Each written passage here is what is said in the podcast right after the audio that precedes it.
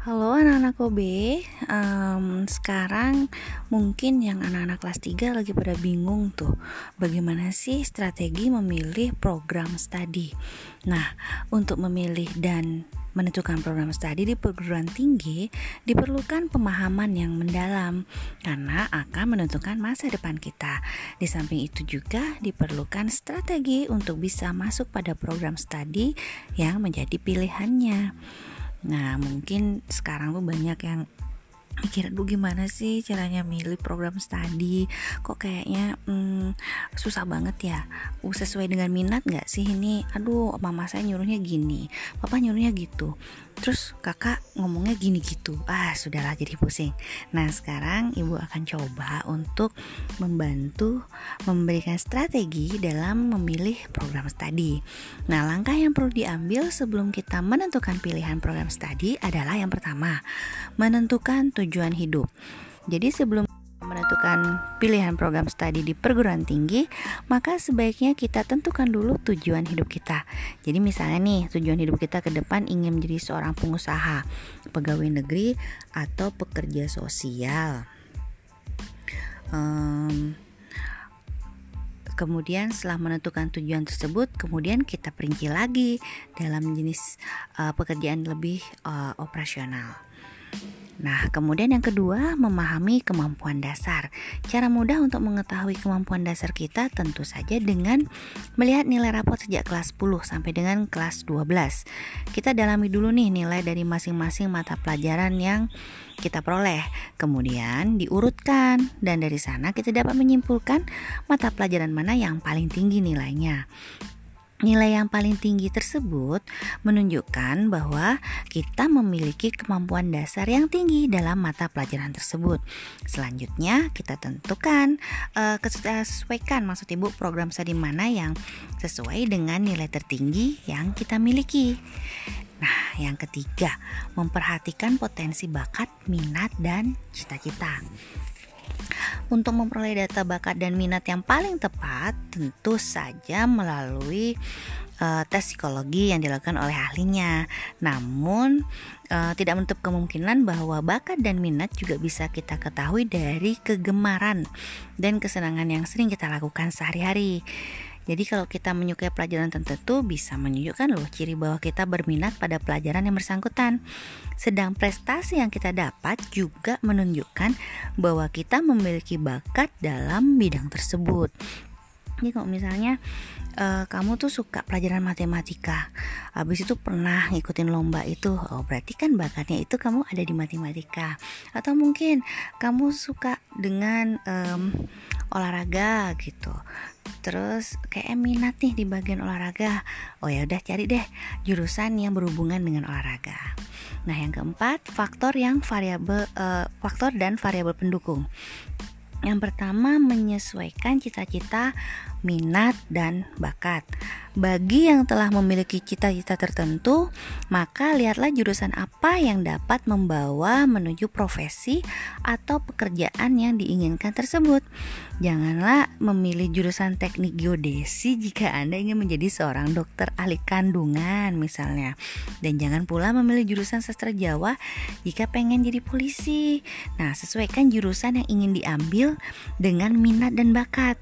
Jika tidak menyukai hitung-hitungan, ya jangan ngambil jurusan jurusan matematika dan jika tidak menyukai menggambar, jangan ngambil jurusan teknik sipil. Kemudian lihat bakat Anda saat ini mengembangkan bakat yang sudah ada disertai dengan e, rasa suka dan cita-cita pada suatu jurusan studi akan menjadi pilihan yang tepat. Yang kemudian yang kedua dari faktor dan variabel pendukung itu realistis.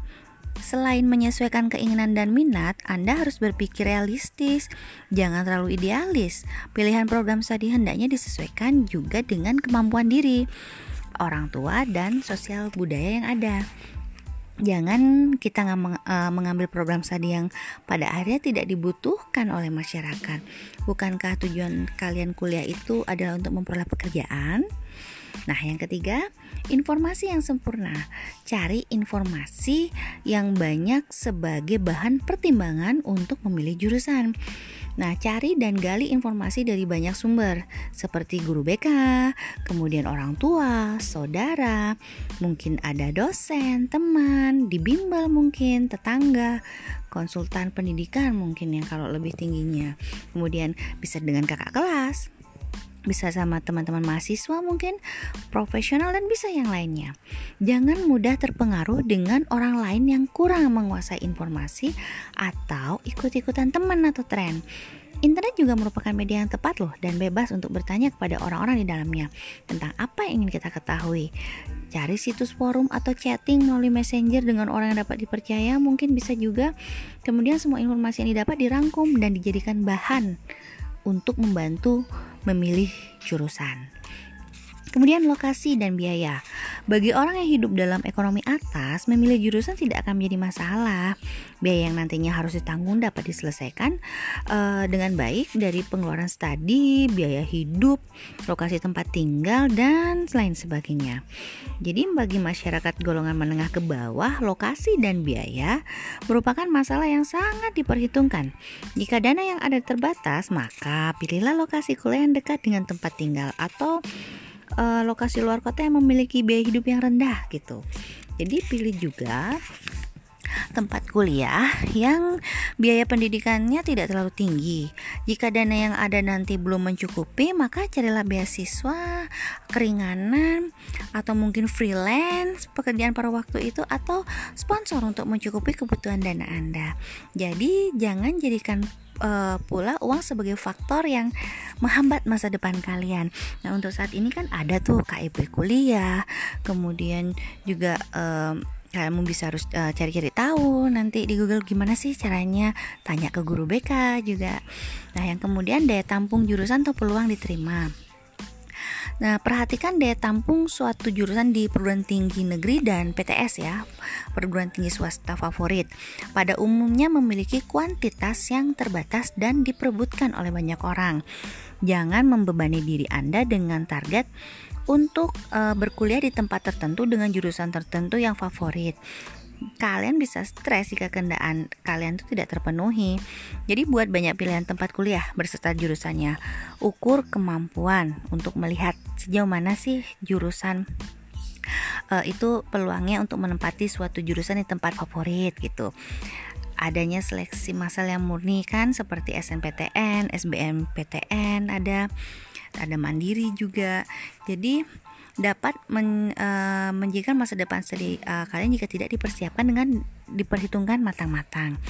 Jadi pelajari soal-soal seleksi, pelajari tryout, ikuti-ikuti tryout maksud ibu segi, uh, sebagai percobaan kalian untuk mengukur kemampuan yang kalian miliki. Namun, jangan terlalu minder dengan hasil yang didapat. Jika pada SNPTN dan SBN PTN ada dua, dua jurusan yang dapat dipilih. Hmm, pilih satu jurusan dan tempat yang kalian cita-citakan dan satu jurusan lain atau lokasi lain yang sesuai atau sedikit di bawah kemampuan kalian. Nah kemudian ada masa depan karir dan pekerjaan. Jadi lihat ke depan setelah uh, kalian lulus nanti, apakah jurusan yang kalian ambil nanti dapat mengantar kalian untuk mendapatkan pekerjaan dan karir yang baik. Nah itu harus ditanyain dulu tuh Banyak jurusan-jurusan yang saat ini lulusannya menganggur, tidak bekerja tidak hanya orang dari jurusan tertentu saja yang dapat bekerja pada suatu profesi, karena saat ini rekrutmen perusahaan dalam mencari tenaga kerja tidak melihat seseorang dari latar belakang pendidikan saja, namun juga dari soft skillnya atau sikap dan pengalaman. Tetapi jika kompetensi, keberanian, dan kemampuan kalian melebihi dari orang-orang lain, maka jurusan apa pun yang kalian ambil ya sah-sah aja. Lalu yang uh, ke selanjutnya adalah kenali pesaing. Mengenali pesaing dapat kalian lakukan melalui tryout yang sering diadakan oleh beberapa lembaga belajar di kota Anda. Setelah itu ukur tingkat persaingan dengan perbandingan minat terhadap fakultas di perguruan tinggi terkait yang bisa kalian peroleh dari uh, guru BK atau guru bimbing belajar.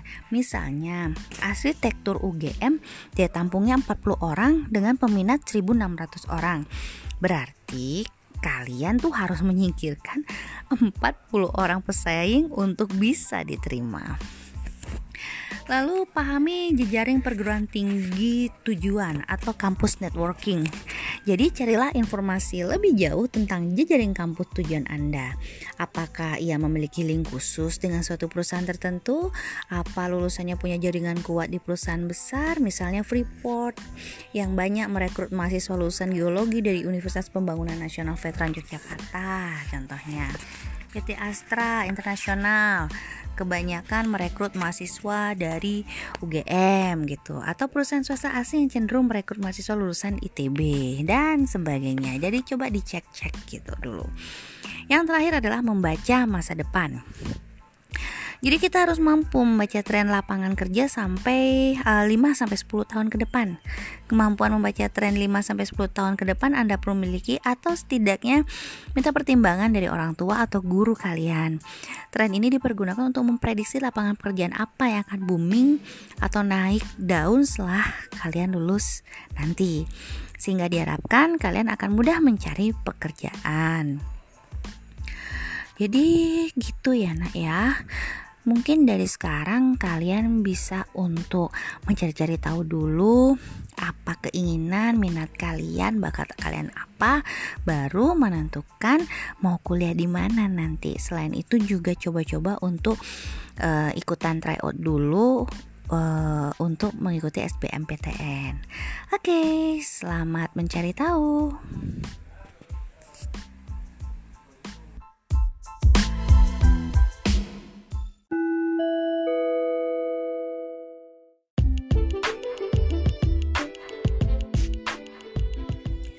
Halo sobat Kobe, uh, sekarang uh, ibu mencoba untuk uh, bicarain tentang hal lain lagi ya.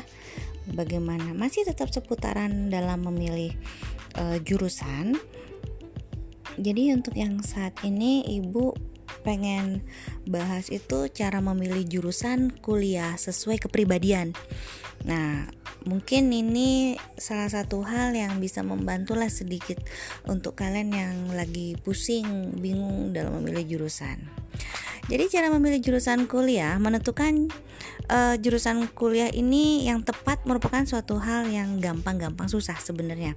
Kadang banyak calon mahasiswa yang nggak berpikir secara matang dalam menentukan jurusan kuliah.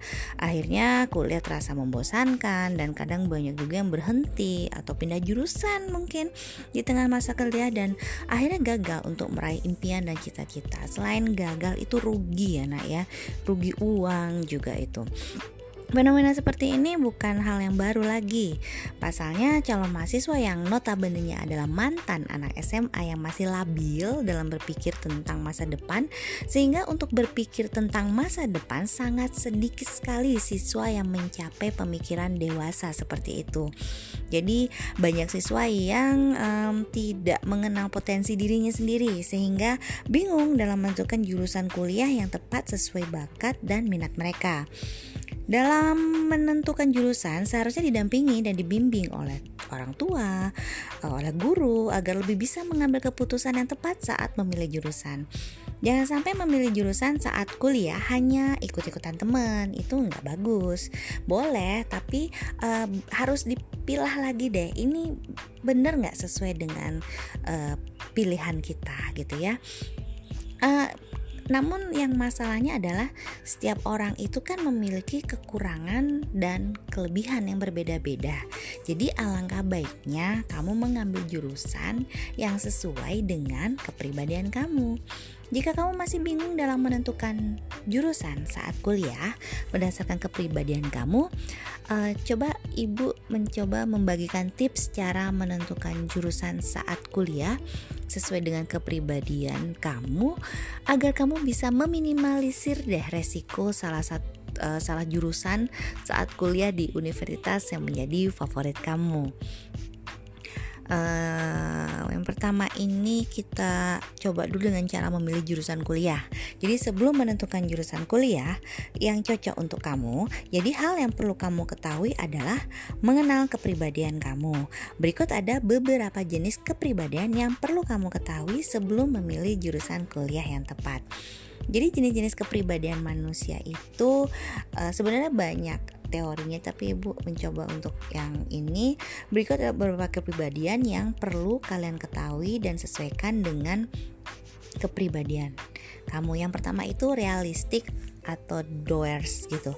Seseorang yang memiliki kepribadian ini kecenderungan untuk memilih lapangan kerja yang berorientasi pada penerapan.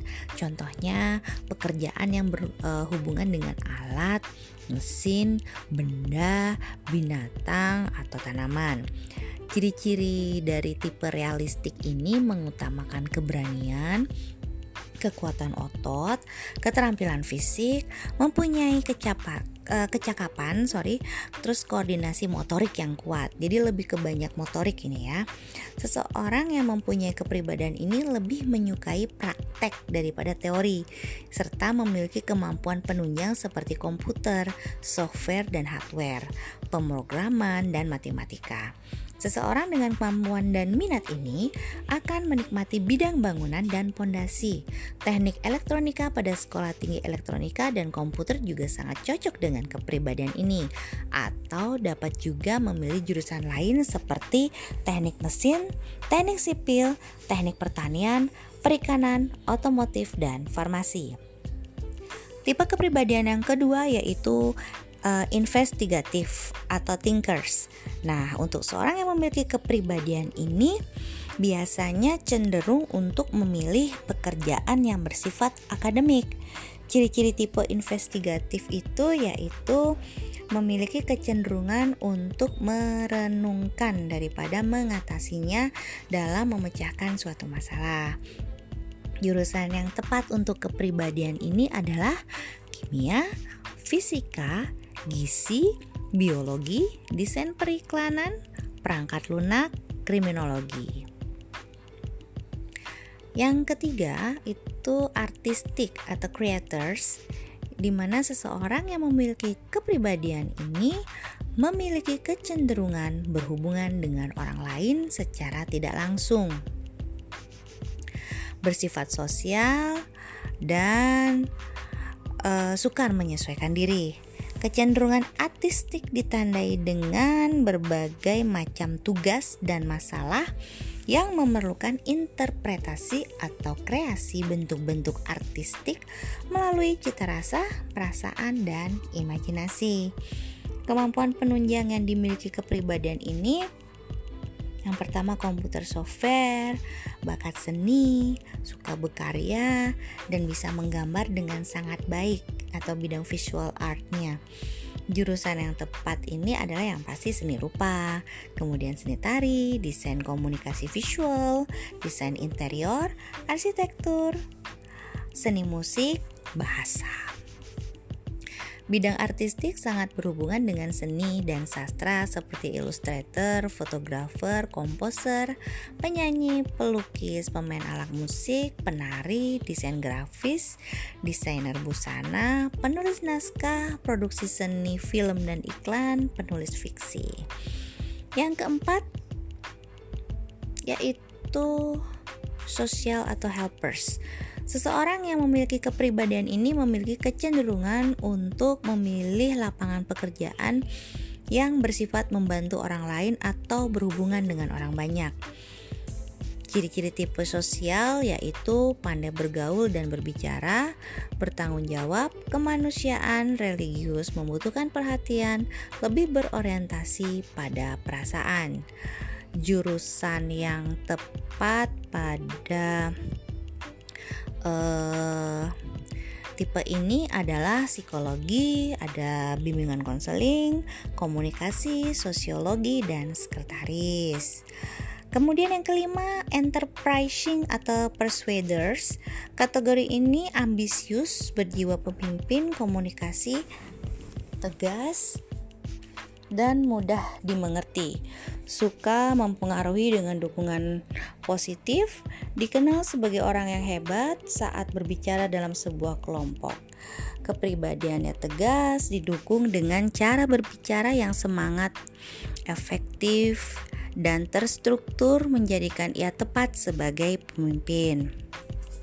Jurusan yang tepat untuk tipe kepribadian ini adalah manajemen, bisnis, komunikasi, hubungan internasional, marketing komunikasi.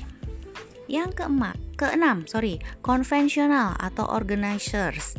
Jadi sangat menyukai bekerja dengan data secara detail. Dapat diandalkan dalam bidang administrasi, pekerjaan yang berhubungan dengan angka detail, terorganisasi, dan menginginkan akurasi tujuan yang tinggi. Itulah ciri kepribadian ini. Ciri-ciri tipe konvensional itu detail, terorganisasi, dan menginginkan akurasi tujuan yang tinggi. Ia selalu mengikuti prosedur dengan teliti, biasanya menyukai pekerjaan di dalam ruangan yang berhubungan dengan data atau angka jurusan yang berhubungan dengan IT seperti komputerisasi, uh, sistem komputer, teknik komputer dan komputer grafis yang ada pada Sekolah Tinggi Elektronika dan Komputer sangat cocok untuk kepribadian ini atau dapat juga memilih jurusan lain seperti statistik, ekonomi dan administrasi. Jurusan yang tepat untuk tipe kepribadian ini adalah akuntansi, statistik, ekonomi, administrasi, dan programmer IT. Nah, itulah beberapa tipe kepribadian yang harus kamu ketahui agar kamu lebih mudah menentukan jurusan saat kuliah. Ya, ini mungkin salah satu hal yang bisa membantu lah ya sehingga bisa meraih impian dan kesuksesan sesuai dengan cita-cita kalian. Setelah membaca uh, setelah mendengarkan maksud Ibu uh, tentang cara memilih jurusan yang tepat sesuai kepribadian uh, kalian mungkin bisa um, berpikir aku tuh kepribadiannya apa ya gitu dan kalau misalnya mau uh, mendiskusikannya lebih jauh lagi kalian bisa uh, ngobrol dengan ibu dan kita bisa diskusikan hal ini di kesempatan oke okay.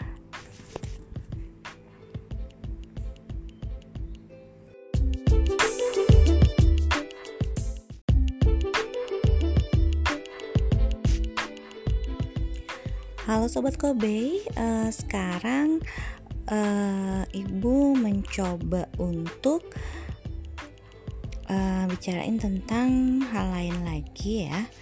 Bagaimana masih tetap seputaran dalam memilih uh, jurusan. Jadi untuk yang saat ini Ibu pengen bahas itu cara memilih jurusan kuliah sesuai kepribadian. Nah, mungkin ini salah satu hal yang bisa membantulah sedikit untuk kalian yang lagi pusing, bingung dalam memilih jurusan. Jadi cara memilih jurusan kuliah menentukan uh, jurusan kuliah ini yang tepat merupakan suatu hal yang gampang-gampang susah sebenarnya. Kadang banyak calon mahasiswa yang nggak berpikir secara matang dalam menentukan jurusan kuliah. Akhirnya kuliah terasa membosankan dan kadang banyak juga yang berhenti atau pindah jurusan mungkin di tengah masa kuliah dan akhirnya gagal untuk meraih impian dan cita-cita. Selain gagal itu rugi ya nak ya, rugi uang juga itu. Fenomena seperti ini bukan hal yang baru lagi. Pasalnya calon mahasiswa yang notabene adalah mantan anak SMA yang masih labil dalam berpikir tentang masa depan sehingga untuk berpikir tentang masa depan sangat sedikit sekali siswa yang mencapai pemikiran dewasa seperti itu. Jadi banyak siswa yang um, tidak mengenal potensi dirinya sendiri sehingga bingung dalam menentukan jurusan kuliah yang tepat sesuai bakat dan minat mereka. Dalam menentukan jurusan seharusnya didampingi dan dibimbing oleh orang tua, eh, oleh guru agar lebih bisa mengambil keputusan yang tepat saat memilih jurusan. Jangan sampai memilih jurusan saat kuliah hanya ikut-ikutan teman, itu nggak bagus.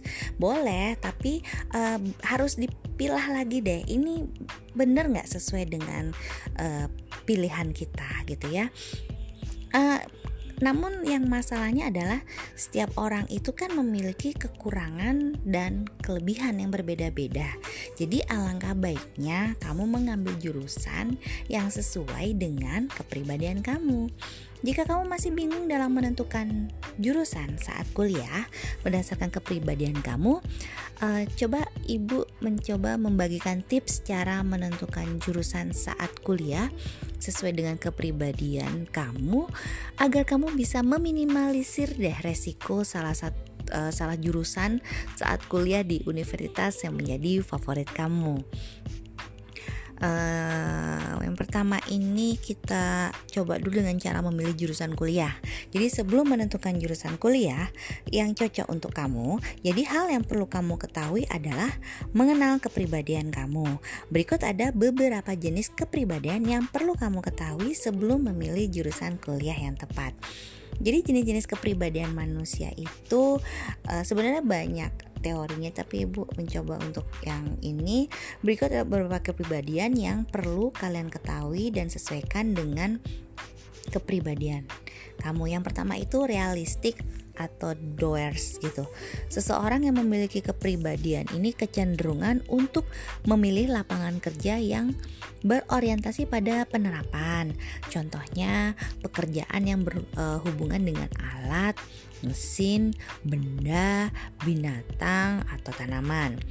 Ciri-ciri dari tipe realistik ini mengutamakan keberanian, kekuatan otot, keterampilan fisik, mempunyai kecapat uh, kecakapan, sorry, terus koordinasi motorik yang kuat. Jadi lebih ke banyak motorik ini ya. Seseorang yang mempunyai kepribadian ini lebih menyukai praktek daripada teori, serta memiliki kemampuan penunjang seperti komputer, software dan hardware, pemrograman dan matematika. Seseorang dengan kemampuan dan minat ini akan menikmati bidang bangunan dan pondasi. Teknik elektronika pada sekolah tinggi elektronika dan komputer juga sangat cocok dengan kepribadian ini. Atau dapat juga memilih jurusan lain seperti teknik mesin, teknik sipil, teknik pertanian, perikanan, otomotif, dan farmasi. Tipe kepribadian yang kedua yaitu uh, investigatif atau thinkers. Nah, untuk seorang yang memiliki kepribadian ini biasanya cenderung untuk memilih pekerjaan yang bersifat akademik. Ciri-ciri tipe investigatif itu yaitu memiliki kecenderungan untuk merenungkan daripada mengatasinya dalam memecahkan suatu masalah. Jurusan yang tepat untuk kepribadian ini adalah kimia, fisika, gizi, biologi, desain periklanan, perangkat lunak, kriminologi. Yang ketiga itu artistik atau creators di mana seseorang yang memiliki kepribadian ini memiliki kecenderungan berhubungan dengan orang lain secara tidak langsung. Bersifat sosial dan uh, sukar menyesuaikan diri. Kecenderungan artistik ditandai dengan berbagai macam tugas dan masalah yang memerlukan interpretasi atau kreasi bentuk-bentuk artistik melalui cita rasa, perasaan, dan imajinasi. Kemampuan penunjang yang dimiliki kepribadian ini yang pertama komputer software, bakat seni, suka berkarya, dan bisa menggambar dengan sangat baik atau bidang visual artnya. Jurusan yang tepat ini adalah yang pasti seni rupa, kemudian seni tari, desain komunikasi visual, desain interior, arsitektur, seni musik, bahasa. Bidang artistik sangat berhubungan dengan seni dan sastra seperti ilustrator, fotografer, komposer, penyanyi, pelukis, pemain alat musik, penari, desain grafis, desainer busana, penulis naskah, produksi seni film dan iklan, penulis fiksi. Yang keempat yaitu social atau helpers. Seseorang yang memiliki kepribadian ini memiliki kecenderungan untuk memilih lapangan pekerjaan yang bersifat membantu orang lain atau berhubungan dengan orang banyak. Ciri-ciri tipe sosial yaitu pandai bergaul dan berbicara, bertanggung jawab, kemanusiaan, religius, membutuhkan perhatian, lebih berorientasi pada perasaan. Jurusan yang tepat pada uh, Tipe ini adalah psikologi, ada bimbingan konseling, komunikasi, sosiologi, dan sekretaris. Kemudian yang kelima, enterprising atau persuaders. Kategori ini ambisius, berjiwa pemimpin, komunikasi, tegas, dan mudah dimengerti. Suka mempengaruhi dengan dukungan positif, dikenal sebagai orang yang hebat saat berbicara dalam sebuah kelompok. Kepribadiannya tegas, didukung dengan cara berbicara yang semangat, efektif, dan terstruktur menjadikan ia tepat sebagai pemimpin. Jurusan yang tepat untuk tipe kepribadian ini adalah manajemen, bisnis, komunikasi, hubungan internasional, marketing, komunikasi. Yang keempat, keenam, sorry, konvensional atau organizers.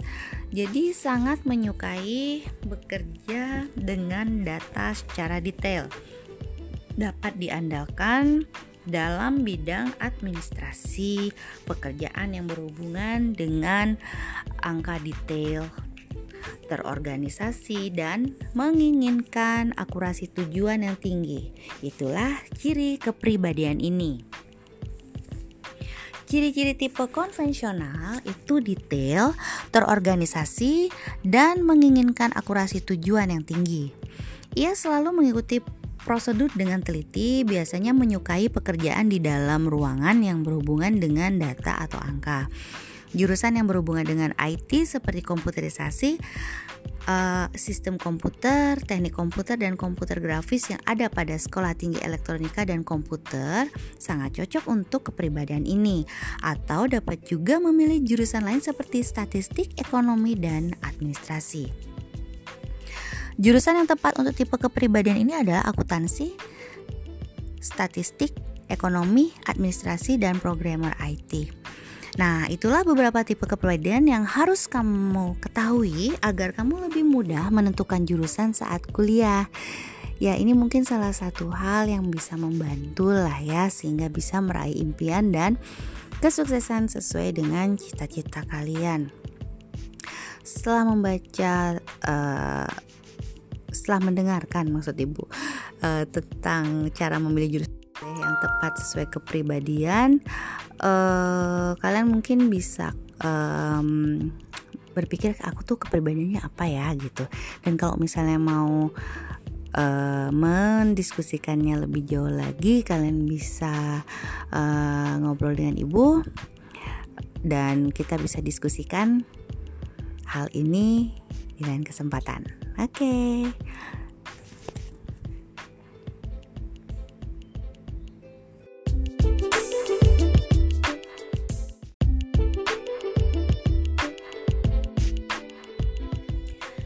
Halo Sobat Kobe, uh, sekarang uh, Ibu mencoba untuk uh, bicarain tentang hal lain lagi ya. Bagaimana masih tetap seputaran dalam memilih uh, jurusan. Jadi untuk yang saat ini Ibu pengen bahas itu cara memilih jurusan kuliah sesuai kepribadian. Nah, mungkin ini salah satu hal yang bisa membantulah sedikit untuk kalian yang lagi pusing, bingung dalam memilih jurusan. Jadi cara memilih jurusan kuliah menentukan uh, jurusan kuliah ini yang tepat merupakan suatu hal yang gampang-gampang susah sebenarnya. Kadang banyak calon mahasiswa yang nggak berpikir secara matang dalam menentukan jurusan kuliah. Akhirnya kuliah terasa membosankan dan kadang banyak juga yang berhenti atau pindah jurusan mungkin di tengah masa kuliah dan akhirnya gagal untuk meraih impian dan cita-cita. Selain gagal itu rugi ya nak ya, rugi uang juga itu. Fenomena seperti ini bukan hal yang baru lagi. Pasalnya, calon mahasiswa yang notabene adalah mantan anak SMA yang masih labil dalam berpikir tentang masa depan, sehingga untuk berpikir tentang masa depan sangat sedikit sekali siswa yang mencapai pemikiran dewasa seperti itu.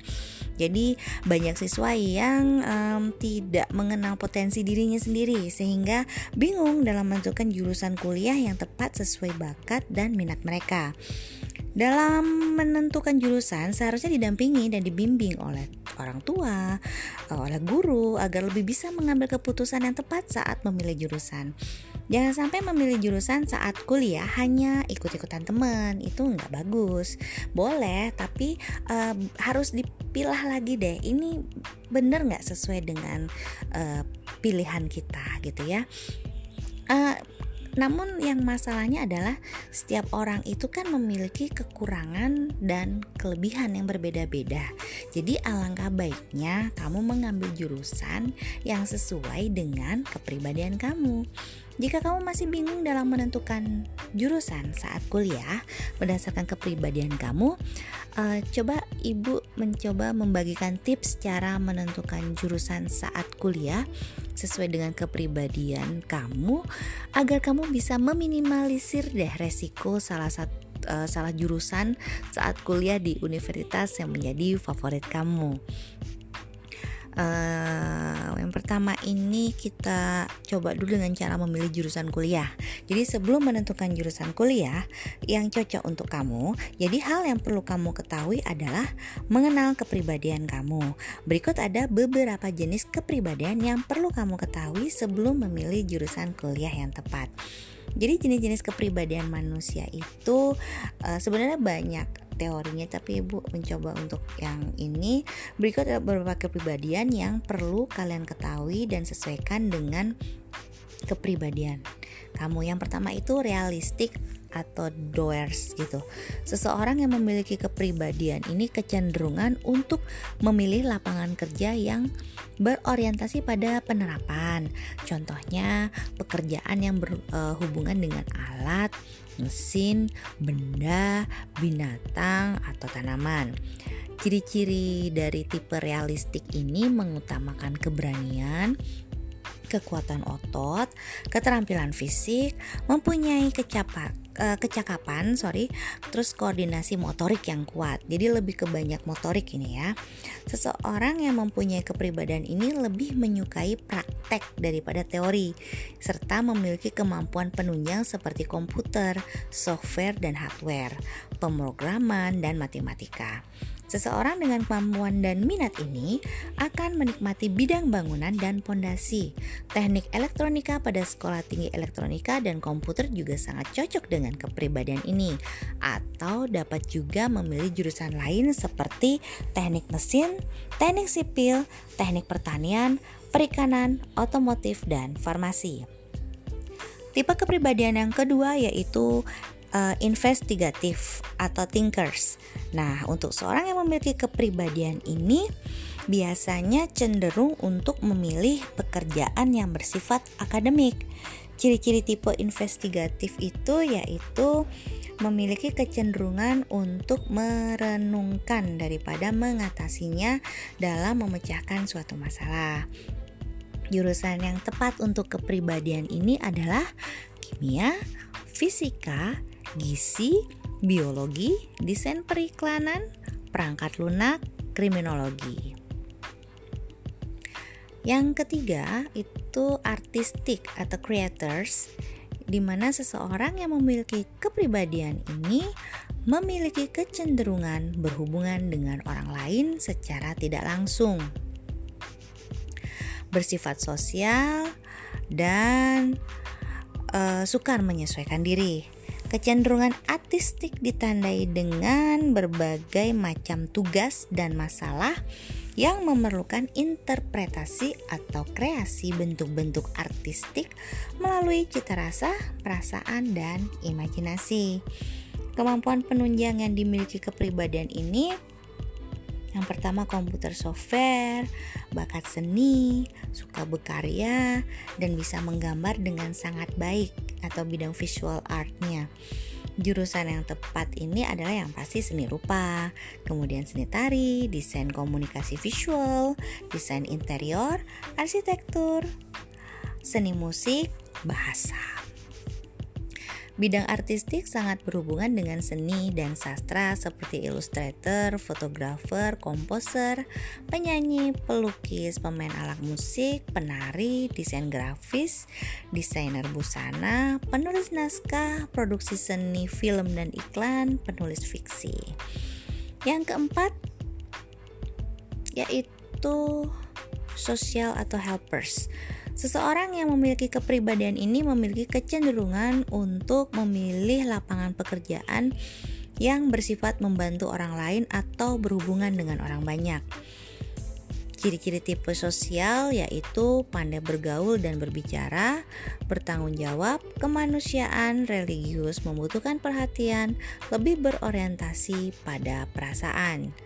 Jurusan yang tepat pada uh, tipe ini adalah psikologi, ada bimbingan konseling, komunikasi, sosiologi, dan sekretaris. Kemudian yang kelima, enterprising atau persuaders. Kategori ini ambisius, berjiwa pemimpin, komunikasi, tegas, dan mudah dimengerti. Suka mempengaruhi dengan dukungan positif, dikenal sebagai orang yang hebat saat berbicara dalam sebuah kelompok. Kepribadiannya tegas, didukung dengan cara berbicara yang semangat, efektif, dan terstruktur menjadikan ia tepat sebagai pemimpin. Jurusan yang tepat untuk tipe kepribadian ini adalah manajemen, bisnis, komunikasi, hubungan internasional, marketing, komunikasi. Yang keempat, keenam, sorry, konvensional atau organizers. Jadi sangat menyukai bekerja dengan data secara detail. Dapat diandalkan dalam bidang administrasi, pekerjaan yang berhubungan dengan angka detail terorganisasi, dan menginginkan akurasi tujuan yang tinggi. Itulah ciri kepribadian ini. Ciri-ciri tipe konvensional itu detail, terorganisasi, dan menginginkan akurasi tujuan yang tinggi.